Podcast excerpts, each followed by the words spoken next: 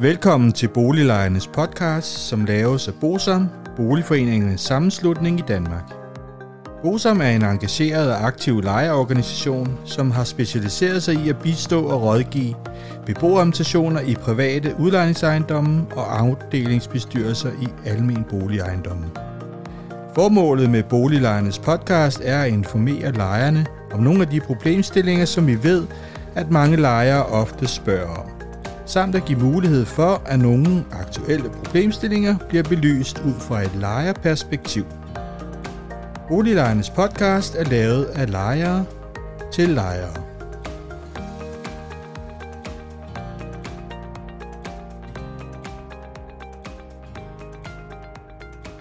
Velkommen til Boliglejernes podcast. Mit navn er René Sur, og jeg arbejder i Bosom. I dag skal episoden handle om lydisolering mod nabostøj i etagebyggeri. Og der skal vi tage udgangspunkt i en folder fra Bilds ved Aalborg Universitet, der hedder Lydisolering mod nabostøj i etagebyggeri.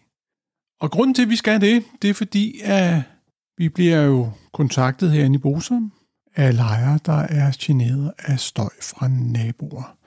Og så er det jo meget rart at vide, hvad er det egentlig, at der kan gøres ved denne her støj, som vi jo alle sammen ønsker skal være så lav som muligt. Og støj kan jo være mange ting.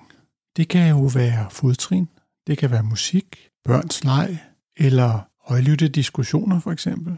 Og ifølge den her folder, så viser det sig, at ca. 35% af beboerne i etagebyggeri er generet af nabostøj. Så man må i hvert fald sige, at det er et forholdsvis stort problem. Det er også derfor, at folderen her den ligger op til, at man ved større renoveringer i etageboligbyggeri, der sørger man for at tænke på lydrenovering i forbindelse med, at man laver renoveringen, fordi at på den måde, så tager man jo hensyn til lejernes daglige livskvalitet, nattesøvn og komfort. Derudover er det jo også vigtigt at huske på, at det jo typisk er væsentligt billigere at lave tiltag mod støj, når man laver det i forbindelse med en renovering, man skal lave i forvejen. Det er måske også lige væsentligt at tage fat på, at vi i Danmark har ca. 1,1 million etageboliger, og ikke mindst at ca. 600.000 af disse er bygget før, at der i bygningsreglementet var krav til lydisolering mellem boligerne. Og det er selvfølgelig i de her 600.000 boliger, hvor der ikke var krav, at vi især har udfordringer med nabostøj, fordi at de er ikke isoleret mod støj selvfølgelig. Og hvordan kommer nabostøj så igennem og bliver generende? Det er sådan, at i etagebyggeri, så kommer den her støj igennem etageadskillelser, vægge, utætheder, ventilationskanaler og afløbsrør. Det betyder jo også, at når vi snakker en lydrenovering, så er det smart at sætte ind mod disse bygningsdele, fordi at det er der, hvor man får mest for pengene. Det er selvfølgelig altid en god ting at få en rådgiver på sådan et projekt her, fordi at det er jo dem, der ved, hvad er det, der skal til, og hvad virker bedst. Og jeg skal måske skynde mig at sige her, at der er eksempler på, at der er lavet forskellige tiltag, der desværre ikke har virket, fordi man lavede de forkerte tiltag. Jeg sagde før, at ca. 35 procent af beboerne i danske etageboliger er generet af nabostøj, og den type støj, som der findes generende, det er naboers fodtrin, børn, der hopper, løber og leger, stemmer, råb og diskussioner, hundegøen, radio, tv, musik og fester, naboers gør det selv ting, smækkende døre, låger og væsebrætter, støvsugning, stole og møbler, der flyttes, ting, der tabes på gulvet, spædbørns gråd, diverse lyde fra brug af WC og toiletskyld og afløb fra bad.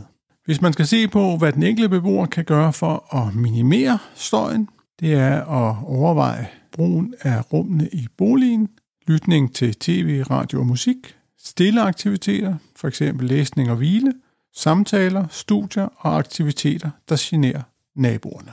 Og som sagt var der jo de her 1,1 million boliger i etagebyggeri i Danmark, og de 600.000 af dem, de var altså bygget før der i bygningsreglementet var krav til lydisolering mellem boligerne, og det betyder, at vi har nogle boliger, der er bygget mellem 1850 frem til 1930-1950, og der er cirka en halv million af dem, det er ældre muret byggeri med træetage adskillelser, og så har vi en bygningstype fra 1930 på ca. 100.000, som er muret byggeri med støbte etageadskillelser. Og det er de her 600.000 boliger, hvor der ikke er lydkrav. For ca. 1960 og fremefter, så kommer der krav til, at der skal være noget lydisolering. Og det er jo BR 1961, som sætter de første krav. Det er jo vigtigt at være opmærksom på, hvilke typer lyde det er, der generer naboen. Det vil jo sige, det der er det vigtige, det er, hvad er det, man skal gardere sig imod? Fordi så ved man også, hvad det er, man skal tage fat i,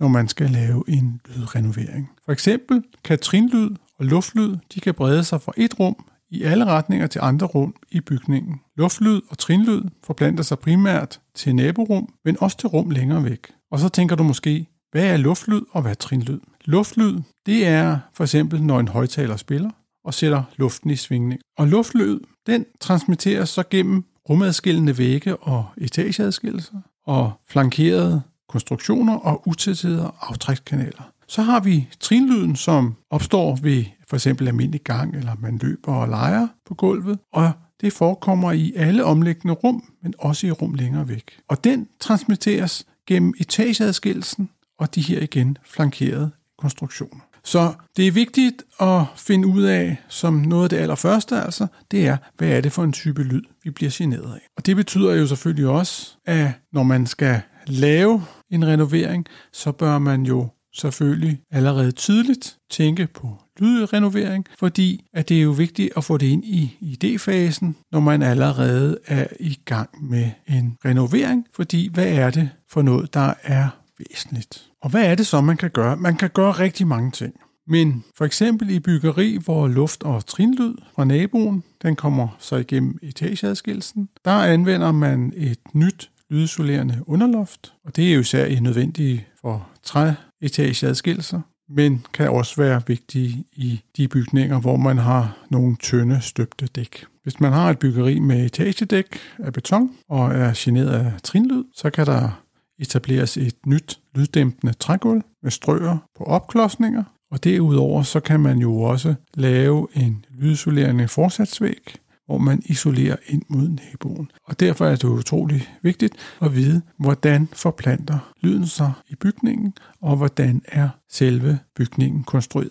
Vi må også sige, at der kan jo ikke skabes mirakler selvom man laver en lydrenovering. Det siger sig selv, at der er en begrænsning på, hvor meget man kan opnå i de gamle bygninger. Men det har vist sig, at i de gamle bygninger fra 1850 til 1930, der kan man opnå, at man går fra lydklasse F til lydklasse D, hvis man er omhyggelig med sit projekt. Nogle gange kan det jo også ske, at man når helt til lydklasse C, men ofte vil det være meget omkostningstungt. Man skal altid huske at få taget nogle lydisolationsmålinger, før man går i gang med at lave de her forskellige løsninger, fordi det er jo vigtigt, at man får mest muligt for pengene. I det murede byggeri med støbte etageadskillelser, der har man typisk en lydklasse E. Det var de bygninger, der var opført fra ca. 1930 til 1960. Der kan man forvente, at man bliver en klasse bedre i lydklasse D. Og igen er det sådan, at hvis man virkelig bruger penge på det og er meget omhyggelig, så kan det lade sig gøre at komme i C. Og igen er det vigtigt, at man får lavet lydprøver, inden at man går i gang, så man er helt sikker på, at det er det rigtige, man foretager sig.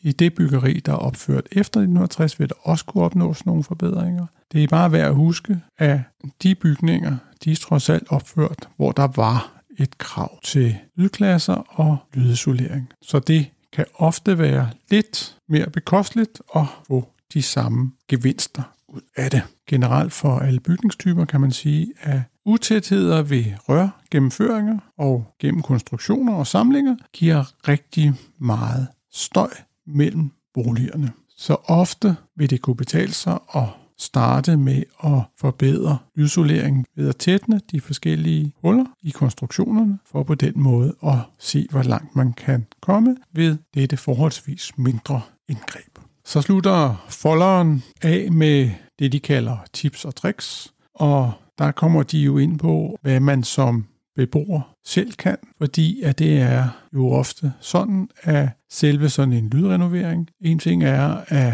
den koster mange penge. Noget andet er, at den ofte tager lang tid fra man får ideen til den bliver gennemført, og hvad kan man så selv gøre som beboer. Nogle af de ting, som folderen foreslår, det er nye tætningslister på entrédørens anslag, dæmper på indvendige døres anslag, dæmper på låge og skuffer, softclose toiletsæder, gulvtæpper på legearealer i boligen. Så kan man foretage tætning af lækager omkring varmerør og andre installationsgennemføringer samt ved elkontakt. Og ikke mindst kan tætningen mellem boligerne jo også reducere den eventuelt gene, der er ved røg og andre lugtgener. Der er selvfølgelig også den mulighed, at hvis der ikke er mulighed for at lydrenovere en hel ejendom, så kan de beboere, der har brug for ro, overveje at lydisolere et enkelt rum i boligen og bruge det som et såkaldt stillerum. Det kan fx være et soveværelse eller et kontor, som man så kan bruge til de aktiviteter, hvor man gerne vil have lidt fred og ro. Jeg kan på det varmeste anbefale denne lille folder omkring lydisolering mod nabostøj i etagebyggeri, som giver rigtig mange gode råd og idéer til, hvad man kan gøre mod nabostøj. Det var det, jeg vil sige denne gang. Husk, at du altid kan skrive til os, hvis du har idéer til emner, vi skal tage op. Og du kan selvfølgelig også være med i vores Facebook-gruppe, og ellers så ses vi jo selvfølgelig bare på fredag. Hej hej. Hvis du synes om Boliglejernes podcast, vil vi blive rigtig glade, hvis du deler episoden med dine venner, og måske giver os en anmeldelse og nogle stjerner i iTunes, så vi derved kan komme ud til mange flere lyttere. Oplysningerne i denne podcast er udtryk for vores opfattelse af retsstillingen på nuværende tidspunkt. Men husk, at retsstillingen kan have ændret sig, når du hører denne podcast, da der kan være kommet ny lovgivning eller praksis på området. Den videre er vigtigt at være opmærksom på, at gennemgangen i denne podcast alene har været overordnet for at give et overblik og derfor ikke kan regnes for en udtømmende gennemgang af emnet.